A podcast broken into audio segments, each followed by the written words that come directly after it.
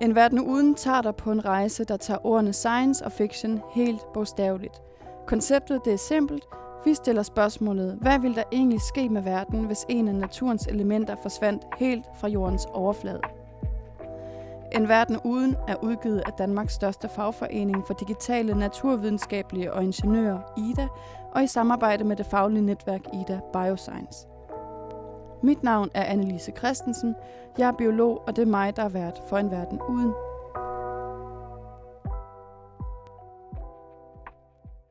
Velkommen til En Verden Uden. Øh, I dag der skal vi snakke om noget, som jeg synes jævnligt er oppe i nyhederne, nemlig de smeltende iskapper og gletsjer i verden. Øh, senest der var der for eksempel meldinger om, at der var over 20 graders lufttemperatur nede i Antarktis. Og det får jo mig til at tænke på, hvordan vores verden ville se ud, hvis vi en dag slet ikke har nogen is tilbage. Øh, og for at snakke om det scenarie, der kontaktede jeg dig, Anders Svensson. Velkommen til. Tak. Øh, og tak fordi jeg måtte komme forbi dit kontor her på Niels Bohr Instituttet på Nørrebro, øh, for at snakke om en verden uden is. Du er meget velkommen. Anders Svensson, du er lektor i fysik mm-hmm. her på Niels Bohr Instituttet, og du beskæftiger dig med is og klima og jordkloden. Ja. Øh, hvordan er det præcis, de tre ting hænger sammen? Ja, altså jeg er som sagt fysiker, jeg har sådan set en baggrund i atomfysik, men jeg skiftede øh, for 25 år siden herover på øh, geofysik, hvor vi beskæftiger os med jordens fysik. Og i min afdeling her, der er vi specialister i øh, kryosfæren, som er isen på jorden, og vores helt specifikke ting, som vi laver rigtig meget, det er at tage op til Grønland og bore iskerner øh, fra toppen af iskappen og ned til bunden. Så 3 km lange iskerner, øh, hvor der ligger øh, snelag øh, mere end 100.000 år tilbage i tiden, lag på lag oven på hinanden, så vi kan studere fortidens klima i de her iskerner. Ja, fordi det er så det næste spørgsmål, det her med at kigge på is og kigge tilbage i tiden. Hvorfor er det vigtigt? Jo, men øh, man kan sige, at vi, vi har jo fået sat gang i en global opvarmning her, som, som, hvor vi taler om altså måske 3 graders global opvarmning her i, i det her århundrede. Og der sidder måske nogen og tænker, ah, 3 grader, det lyder ikke så voldsomt, altså lidt varmere om sommeren, fint nok, øh, det kan vi nok klare. Men det er fordi, vi, vi tænker sådan øh, i dagstemperatur og årstemperatur her lokalt, hvor vi bor. Men på global skala, en 3 graders global opvarmning, det er virkelig, virkelig meget, det er voldsomt. Og for at sætte det i perspektiv, så kan man se på, hvor stor var øh, temperaturændringen, da vi gik ud af den sidste istid. Så for 20.000 år siden, der var vi midt i en istid, og der lå en stor iskappe i Kanada, og en anden stor en her ovenpå os i, i Fennoscandia. Og øh, da vi gik ud af den istid, og det tog altså 5-10.000 år, der steg den globale middeltemperatur 5-6 grader. Så at gå ud af en istid, det er en 5-6 graders global opvarmning. Og nu snakker vi her om 3 graders global opvarmning, og ovenikøbet i på meget, meget kort tid. Så i en global skala, der er det altså virkelig, virkelig voldsomt at varme jorden så meget op. Øhm, og hvis vi skal snakke om, om havniveau, altså så øh, er vi jo ikke vant til, at øh, havet det er så noget, der ændrer sig. Altså alt det, vi kender fra historien og bedsteforældre, alt hvad vi har fået fortalt, der har havniveauet været nogenlunde det samme. Så for os der er det meget svært at forestille sig, at havet skulle have en anden højde, end det har i dag. Men da vi gik ud af istiden, der smeltede de store iskapper netop ned, og det betød, at vi fik en havniveaustigning på 120 meter. Altså i løbet af 5-10.000 år, øh, der øh, startende for 20.000 år siden. Så havet det steg med 120 meter, helt naturligt. Og øh, så kan man godt begynde at spekulere lidt over, hvad skal der nu ske i fremtiden? Fordi det var altså 5-6 graders global opvarmning, det førte til 120 meters havniveaustigning. Øh, der var nogle store iskapper, der kunne smelte ned. Hvor meget havniveaustigning får vi så i fremtiden, når vi nu varmer op måske 3 grader her i, i nær fremtid? Vi snakkede også lidt om præmissen for øh, dagens spørgsmål. Fordi det første, du sagde til mig, ikke, da jeg spurgte, skal vi, kan vi snakke om, hvordan verden ser ud helt uden is? Og så sagde du, jamen hvordan? Altså, fordi ingen smeltede is uden klimaforandringer mm-hmm. i mhm. virkeligheden. Ikke? Øhm, så i den her gang, der har vi jo lavet det tankeeksperiment, der hedder, okay, temperaturen, den er steget i en sådan grad her på jorden, at al isen, den smelter inden for, hvad siger vi, et par hundrede år? Nej, vi skal nok op i tusind af år, øh, okay. heldigvis, så hvis vi skal smelte al isen væk. Altså, det, øh, det trods alt, det tager noget tid. Okay, Anders, hvad sker der, når al isen er smeltet her på jorden? Ja, altså først så kan vi jo lige overveje, hvor har vi noget is, som vi kan smelte. Og øh, man kan sige, at det nemmeste at smelte, det, det er nok havis, og det har vi jo sådan med sæsonvariation op på Nordpolen og rundt omkring Antarktis. Øh, Øh, og vi ved allerede, at sommerisen er ved at smelte væk på Arktis, så det kommer til at ske i løbet af de næste 10 år. Vinterisen den vil fryse til øh, hvert år, og det vil den blive ved med noget længere tid. Så har vi jo øh, nogle små gletsjer rundt omkring. Vi kender det måske fra skiferie i Norge eller i Alperne, og der er også Andesbjergene og Himalaya osv. Der ligger også noget is der. Men øh, hvis man smelter al den is og leder den ud i verdenshavet, så får man en havniveaustigning på cirka en halv meter. Så, så det er den første halve meter, vi får sandsynligvis, fordi det er de gletsjere, der er ved at smelte væk nu. De mærker den globale opvarmning først. Og så har vi de mere alvorlige ting, det er så øh, indlandsisen i Grønland, og øh, den øh, er der så meget is i, at øh, den kunne hæve havniveauet med 7 meter cirka, hvis hele den is smeltede ned. Altså isen er jo øh, 1000 km bred og flere tusind kilometer lang, og så 3 km øh, tyk inde på midten. Så det er en kæmpe stor isterning. Og hvis man smelter alt det, så vil havniveauet øh, stige de her 7 meter cirka. Og Antarktis er altså næsten 10 gange så stor. Altså det er noget med 58 meters havniveaustigning, hvis al isen i Antarktis smelter ned. Og øh, det er sådan set også noget, vi har lært relativt for nyligt, at øh, jo, der er en afsmeltning i gang fra Antarktis. Altså bare da jeg læste på universitetet for, for ja, nogle årtier siden, der lærte vi, at Antarktis det lå simpelthen så isoleret og koldt øh, dernede på Sydpolen, at det kunne vi ikke røre ved. Altså det var umuligt at smelte det, der var bare for koldt dernede. Men det vi ser, det er, at øh, afsmeltningen øh, i Vestantarktis, den er faktisk øh, nærmer sig afsmeltningen fra Grønland. Så vi får øh, også betydelige bidrag dernede fra. Og det er jo altså ret øh, alarmerende, eftersom der er så meget is dernede. Øhm, og ja, når man først har fået sat gang i sådan en afsmeltning fra en stor iskappe, så for at vende det, skal man jo sådan set øh, køle jorden af igen. Og, og det er der jo ikke øh, nogen chance for, at vi kommer til at gøre i nær fremtid. Så afsmeltningen vil fortsætte øh, rigtig lang tid ude i fremtiden. Mm. Øhm, ja, held og lykke ja, med det. Ja, det første man tænker på må jo være også, hvis al isen, eller når al isen er væk, øh, hvad for et landskab, hvad det er, vi kigger på mm-hmm. på jorden, ikke? Jamen helt sikkert. Altså der er jo to ting. Der er jo dels der, hvor øh, iskapperne lå. Det er klart, det bliver nu blotlagt øh, enten land eller hav, afhængig af, hvad, hvor høj undergrunden er under isen. Og så er der selvfølgelig det her med selve havniveaustigningen, at øh, når man øger hav, havstanden, jamen, så oversvømmer man nogle områder. Så, så vi mister en masse landmasse der, hvor, øh, hvor havet stiger, det er klart. Øhm, og man kan sige, at i Grønland, der er det sådan, at øh, undergrunden under indlandsisen, den ligger nogenlunde i havniveau nu. Så hvis man smelter alt øh, havisen væk, øh, undskyld, hele iskappen væk, så øh, vil man i første omgang få et land, som, som ligger nogenlunde i havniveau, bortset fra en krans af bjerge, som ligger udenom i, i randen der, som holder på indlandsisen i øjeblikket. Men efter noget tid, så vil der faktisk øh, begynde at ske en opstigning af, af den undergrund, som lå under isen, fordi der ikke længere er et pres fra isen. Så øh, der, der sker det, der hedder isostatic rebound, eller at øh, jorden øh, indretter sig efter, hvor meget vægt der ligger ovenpå den. Og der er det sådan, at øh, ind, altså under indlandsisen, der vil, der vil den øh, undergrund, der ligger i dag, den vil så hæve sig cirka med 1 km, hvis man smeltede de 3 km is væk. Så, så øh, det kommer klar til at ligge over havniveau, det vil sige, at man får jo et kæmpestort land øh, oppe i Grønland, øh, hvor der er masser af plads, heldigvis kan man sige. I Antarktis er det lidt anderledes, fordi en del af, af undergrunden under Antarktis, den ligger faktisk under havniveau allerede i dag. Hele Vestantarktis, eller det meste af Vestantarktis. Og det betyder, at når man smelter Vestantarktis væk, så får man bare et større hav. Mm. Øhm, mens Østantarktis for det meste ligger op på et kontinent, så der vil man også få et stort land, hvis det skulle komme så vidt. Men så er vi altså ude i det scenarie, som vi snakker om her, at al isen er smeltet væk, og det, der, det er altså på, på tusinder af år forhåbentlig øh, den tidsskala, vi snakker om der. Du nævnte, at der var forskel på, hvordan og hvor vandet ja. stiger. Jamen, det er rigtigt. Altså, for, bare lige for at slå fast, øh, havniveaustigningen er ikke jævn, den er ikke lineær, den er accelererende, så den, den bliver stejlere og stejlere, den kurve øh, hvert år. Men det er fuldstændig rigtigt, at det vi snakker om der, det er middelhavniveaustanden på hele jorden. Så hvis man tager fra satellitten og midler alle målepunkterne på, så ser man de her i øjeblikket 5 mm havniveaustigning per år. Men det sker ikke ligeligt, og det har du fuldstændig ret i, at øh, det er faktisk meget, meget komplekst med, hvor meget vandet stiger forskellige steder. Der er steder, hvor det stiger meget mere end de her 5 mm hvert år, og så er der steder, hvor faktisk havniveauet øh, falder i øjeblikket. Og de steder, hvor det falder, det er der, hvor der øh, lå tidligere store iskapper øh, der har man stadig den effekt af, at undergrunden den altså stadig løfter sig øh, lang tid efter iskapperne er smeltet væk, fordi den masse ikke ligger ovenpå dem længere.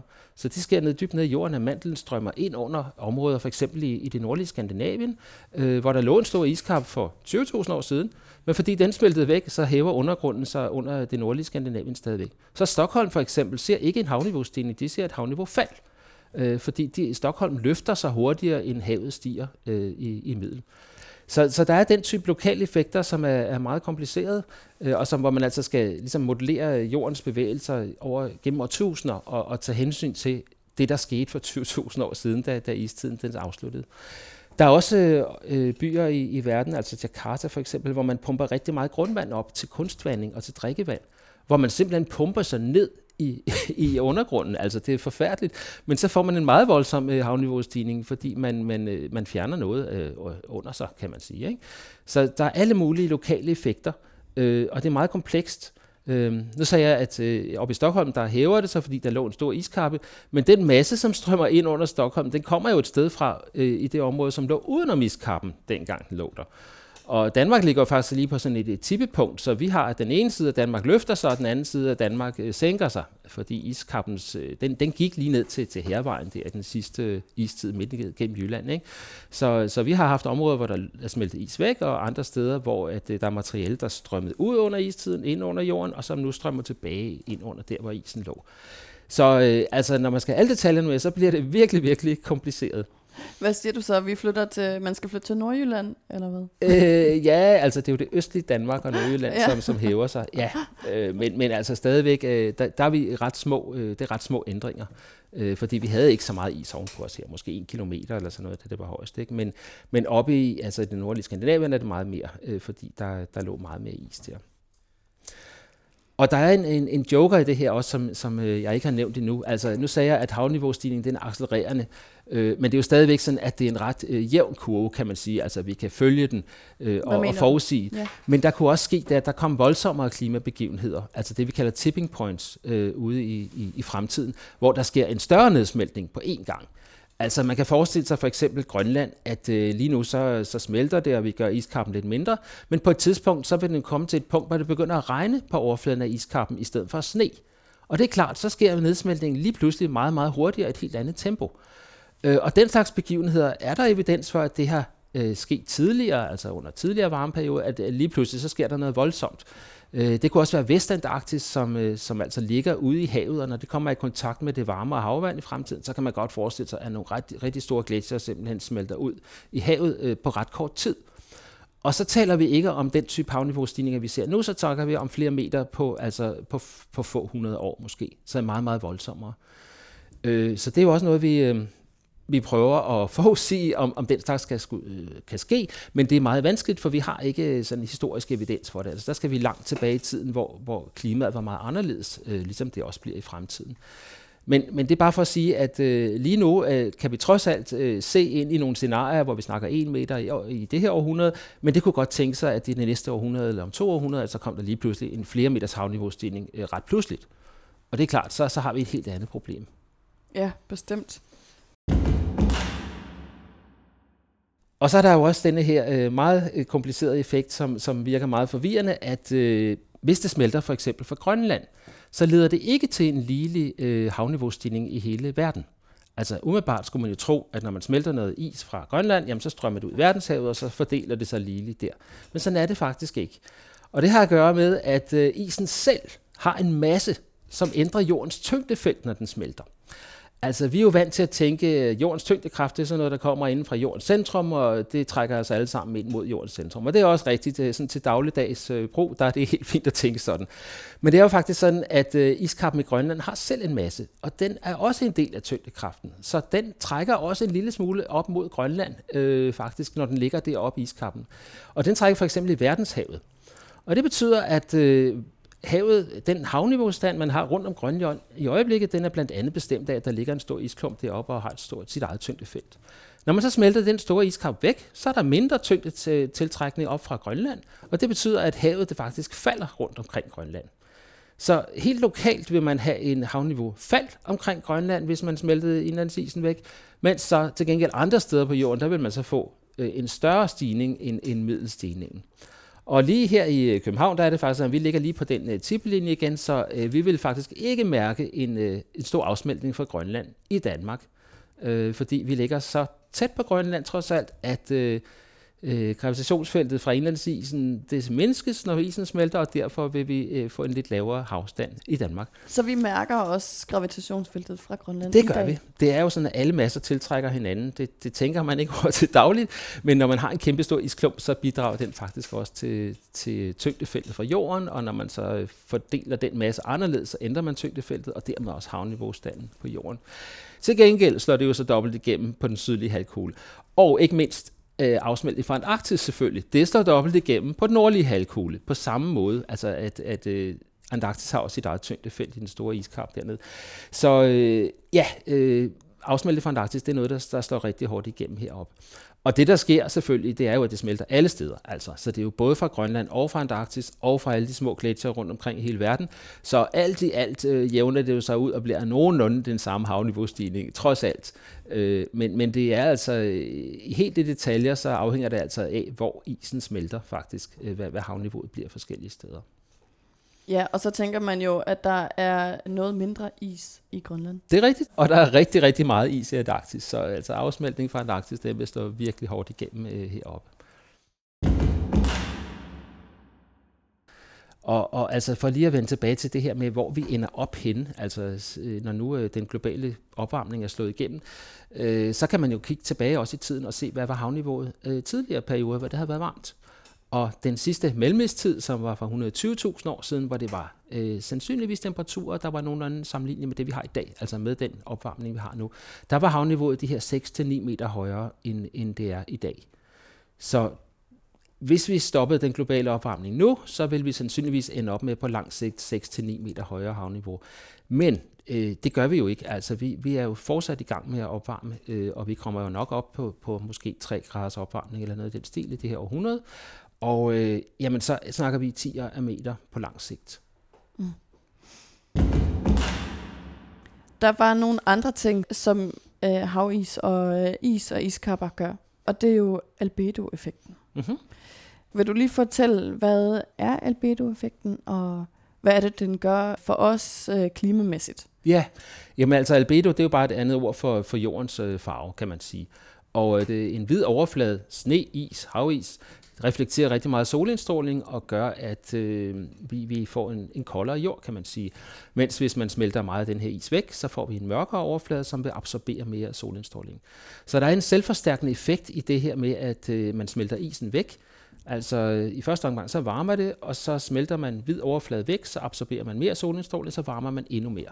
Så det er det, der hedder en øh, positiv tilbagekobling. Og det positive her, det betyder, at den er selvforstærkende. Ikke nødvendigvis, at det er noget positivt for mennesker og dyr, eller nogen som helst, som lever på jorden. Men det er altså bare det, det, det tekniske term, at når det er forstærkende, så kalder man det positivt, og der er andre tilbagevirkningsmekanismer i klimasystemet, som er negative, som heldigvis øh, modvirker i den anden retning. Men øh, det her med øh, altså albedoeffekten, det slår meget hårdt igennem i øjeblikket op i Arktis. Altså globalt set, så har vi jo haft lidt over en, en grads global opvarmning på jorden øh, i øjeblikket, men oppe i Arktis, så har vi faktisk mindst dobbelt så meget, måske endnu mere end det, så der, der kigger vi nok ind, at vi allerede nærmer os de 3 graders øh, opvarmning i, i Arktis. Og det er altså fordi, at øh, der er rigtig meget is og sne, øh, havis, øh, som du sagde, permafrost og sne, der ligger om vinteren og iskapperne, og når vi smelter det væk, så får vi altså den her selvforstærkende effekt, altså absorberes der også meget mere solindstråling om sommeren i Arktis, og det gør, at Arktis varmer meget hurtigere op end, øh, end resten af jorden. Og det er også noget, vi har set tilbage i tiden. Altså temperaturudsvingene i Arktis, de er bare større, end de er for resten af jorden. Så den har faktisk mere en øh, betydning for klimaet, når det er, at den er i de der transitionsperioder? Ja, det kan man sige. Altså, øh, det, det, det er sådan, at det, det behøver ikke at være så voldsomt meget øh, klimaændring, der starter øh, det hele, øh, så vil der være de her selvforstærkende effekter, blandt andet albedoeffekten og også mængden af drivhusgasser i, i atmosfæren, som selv arbejder med i samme retning, kan man sige, og som, som forstærker det. Så ved istidens afslutning, så øh, det har at gøre med altså jordens bane omkring solen, som ændrer sig en lille smule, og solindstrålen ændrer sig altså lidt. Og det er sådan set bare blevet sat i gang, og så har albedoeffekten øh, styrket den øh, ændring, og det samme har drivhusgasserne, der er blevet drevet mere CO2 ud af havet under opvarmningen ved istidens afslutning. Og derfor har man fået en, en, en, i sidste ende en meget stor klimaændring ved istidens afslutning, til trods for, at den er sat i gang af nogle ret små ændringer i, i øh, solindstrålingen. Noget andet, som jeg synes, der bliver snakket meget om, det er jo havenes strømme. Og det der scenarie om, hvis der er meget is, der smelter fra Grønland, så stopper det Golfstrømmen, og vi sætter gang i den næste øh, lille istid. Du har noget at sige om det? Jo, helt sikkert, øh, fordi det er jo selvfølgelig også forbundet med alt det her med, med, med havis og afsmeltning af iskapperne.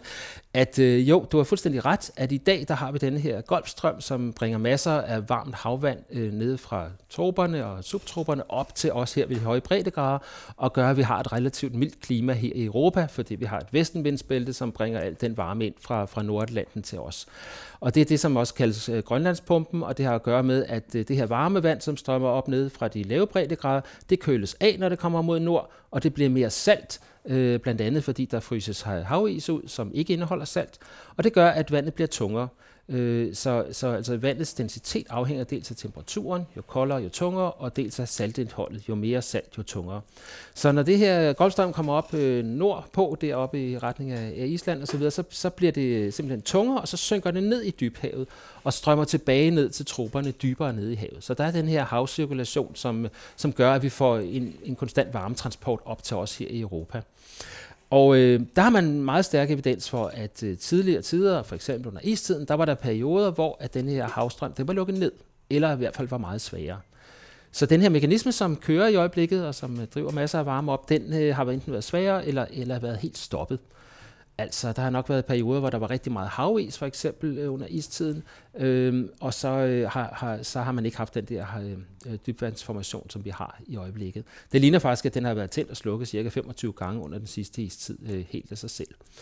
Og der kunne man så begynde at spekulere over, kunne det også være, at ude i fremtiden her, øh, når vi nu starter med at afsmelte en hel masse fra Grønland, hvad sker der så egentlig med den her dybhavspumpe? Og det der sker, det er jo, at øh, al den is, der ligger i Grønland nu, det er ferskvand jo, der er ikke noget salt i det. Så når den smelter ud i Nordatlanten i et eller andet tempo, så tilføjer man en masse let vand til Nordatlanten. Og det gør, at den her dybhavsformation, som altså kører i øjeblikket, den kunne blive sværere eller lukke ned af den grund.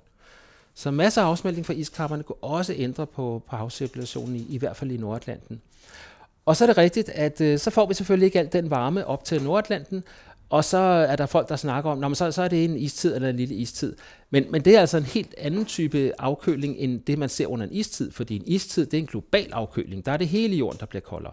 Her vil det jo bare være lokalt oppe hos os her i Nordatlanten og Europa, hvor det vil blive noget koldere, men det er jo ikke sådan, at varmen forsvinder ud af klimasystemet. Så den varme, der bare tidligere ville være blevet transporteret nordpå, den bliver bare nede ved de lavere breddegrader, så bliver det ekstra varmt dernede. Så det er altså ikke en istid på samme måde, øh, at, at hele jorden afkøles, det er simpelthen bare en omfordeling af varme regionalt på jorden. Og det er rigtigt, at det vil så øh, mindske i hvert fald den globale opvarmning her i, øh, i Europa, men gør det varmere til gengæld øh, mange andre steder ved lavere breddegrader. Så det er lidt misvisende, vil jeg sige, at, at kalde det en istid, fordi så forestiller man sig sådan, at hele jorden bliver koldere, og vi får iskapper og den slags. Det er slet ikke det, der er på tale. Men øh, det vil have en stor betydning for, for klimaet her i Europa. Øh, og om det så lige, øh, altså hvor meget afkøling det præcis bliver, og om det så vil ligesom udjævne øh, lidt øh, den globale opvarmning, det, det er nok, øh, altså der skal man nok køre nogle klimamodeller for at se, hvad den præcise effekt bliver. Fordi alting vil ændre sig, altså cirkulation og nedbør og ekstrem temperatur osv. Øhm, og under alle omstændigheder vil det have en kæmpe effekt jo også ude i havet øh, og, og mange andre steder på jorden. Så, så det er ikke noget, vi, øh, vi skal gå og drømme om, vil jeg sige. Øh, og der er i virkeligheden ret stor uenighed blandt forskerne i øjeblikket om, hvorvidt det faktisk er noget, der er sat i gang, eller hvor sandsynligt det er, at det vil ske ude i fremtiden. Man kan finde videnskabelige papirer, der siger, jamen det kører allerede, og vi vil lukke ned for Golfstrømmen inden for nogle få årtier, og andre, som siger, ja, men der har altid været noget naturlig variation, og det er bare det, vi ser, øh, og det ser ikke så voldsomt ud. Så, så det er altså et andet emne, hvor øh, der forskes på livet løs, øh, fordi øh, vi har ikke rigtig nogen evidens her inden for de sidste 10.000 år, hvor, hvor der har været ændringer i havstrømmen, så, så øh, det bygger på nogle øh, data, som ikke øh, som, som altså er lidt svære at analysere, som, som ikke er samme kvalitet som det, vi har for satellitter i dag. Så øh, der er frit slag, kan man sige, på modellør, øh, øh, for modellerne der, og, øh, og det leder til meget forskellige resultater, og jeg tror ikke, der er nogen, der der tør lægge hovedet på blokken og sige, at Golfstrømmen den lukker helt sikkert ned, eller at det gør den ikke. Men det er klart, der bliver målt alt, hvad man kan, og modellerne bliver hele tiden bedre på et eller andet tidspunkt, så vil vi kunne sige uh, sandsynligvis uh, mere sikkert, hvad der sker med Golfstrømmen i fremtiden. Der var også uh, en lille sjov detalje omkring det med mængden af frossen is, uh, og hvordan det har indflydelse på, hvor hurtigt jorden drejer, og ikke mindst uh, den vinkel jordens akse, den befinder sig i. Hvad er det, det drejer sig om? Ja, altså, øh, jorden er jo den her kæmpe roterende kugle, som øh, altså set langt væk fra er den fuldstændig kugle rund, men når vi går tæt på, så ved vi jo netop, at der er forskelle, der er bjerge og der er iskapper, og øh, hvis man begynder at smelte is væk fra polerne, og det er jo det, vi gør, hvis vi smelter ved Grønland og, og i Antarktis, så fjerner vi jo faktisk noget masse fra tæt på rotationsaksen af jorden og, og, og fordeler den i verdenshavet, som ligger længere væk fra rotationsaksen af jorden. Og det gør faktisk, at man ændrer en lille smule på jordens øh, rotationshastighed. Altså når vi smelter isen fra polerne, så rykker vi massen længere væk fra rotationsaksen, og dermed sænker vi rotationen af jorden en lille bitte smule.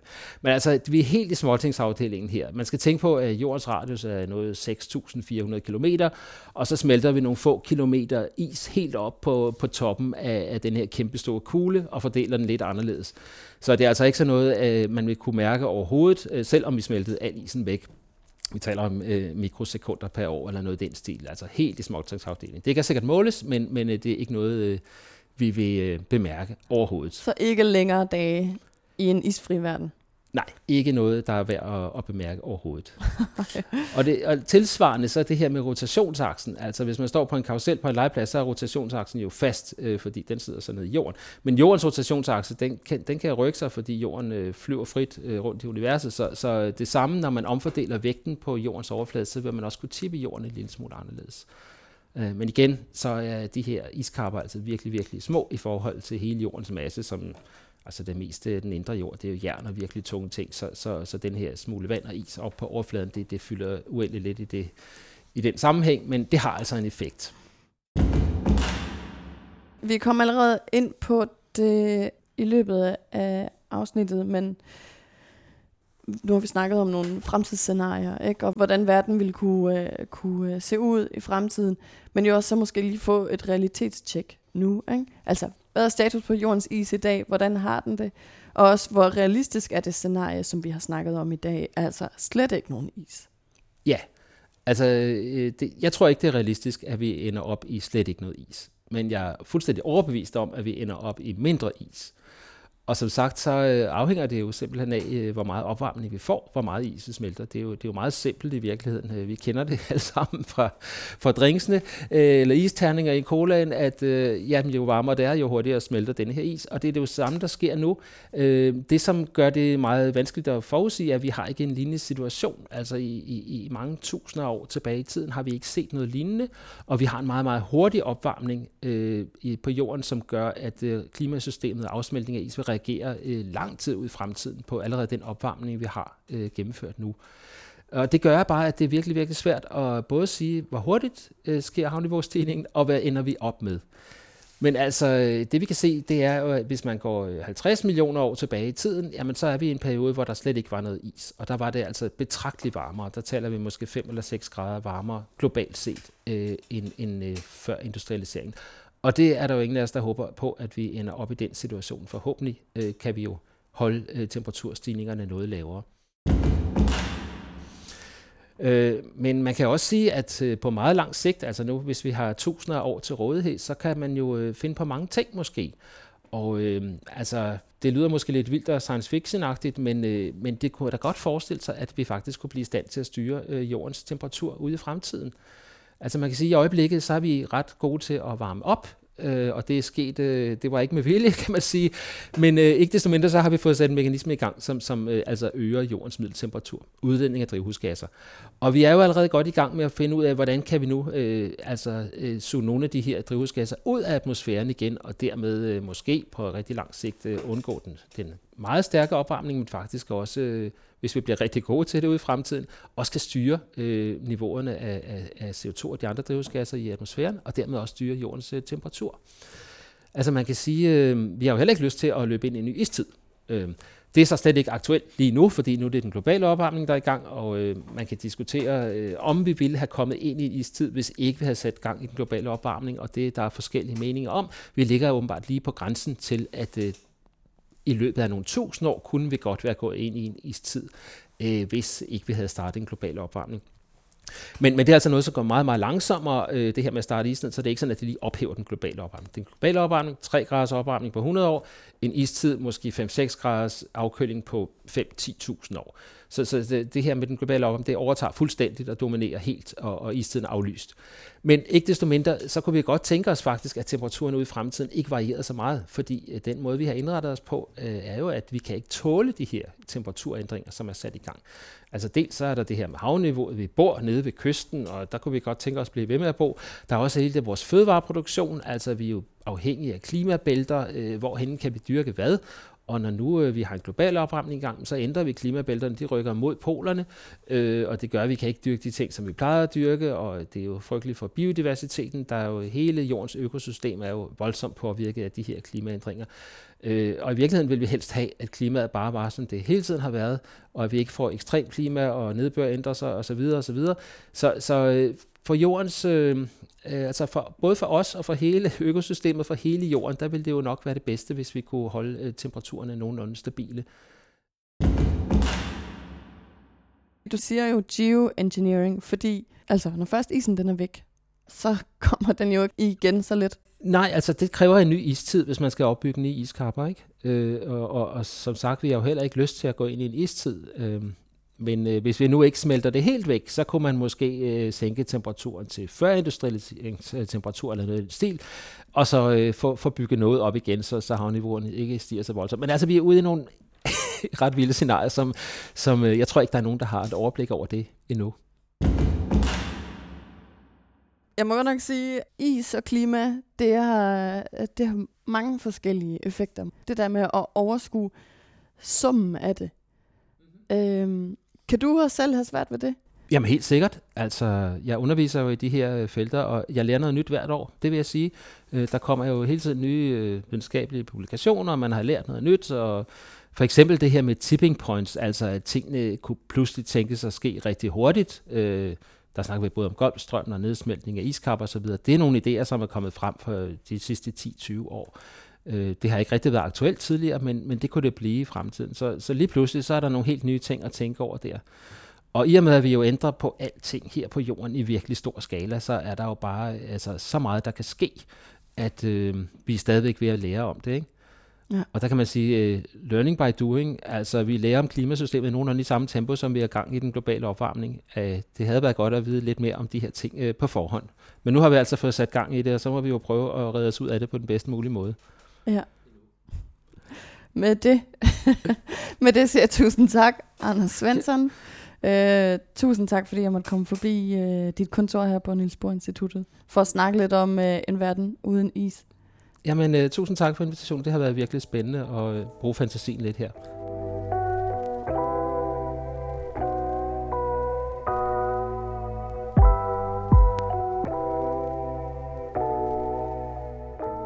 Lyttet til En Verden Uden, som udkommer hver 14. dag. Du kan følge os på Facebook i gruppen Ida Bioscience, og her kan du også deltage i debatten om alt inden for bioscience. Du kan også skrive til mig på enverdenuden-gmail.com, og du kan abonnere på podcasten via din favorit podcast udbyder. En Verden Uden er en af flere podcasts, der udgives af Danmarks største fagforening for digitale, naturvidenskabelige og ingeniører, IDA. Du finder alle i deres podcast på ida.dk-podcast. Jeg hedder Annelise Christensen på genhør om 14 dage.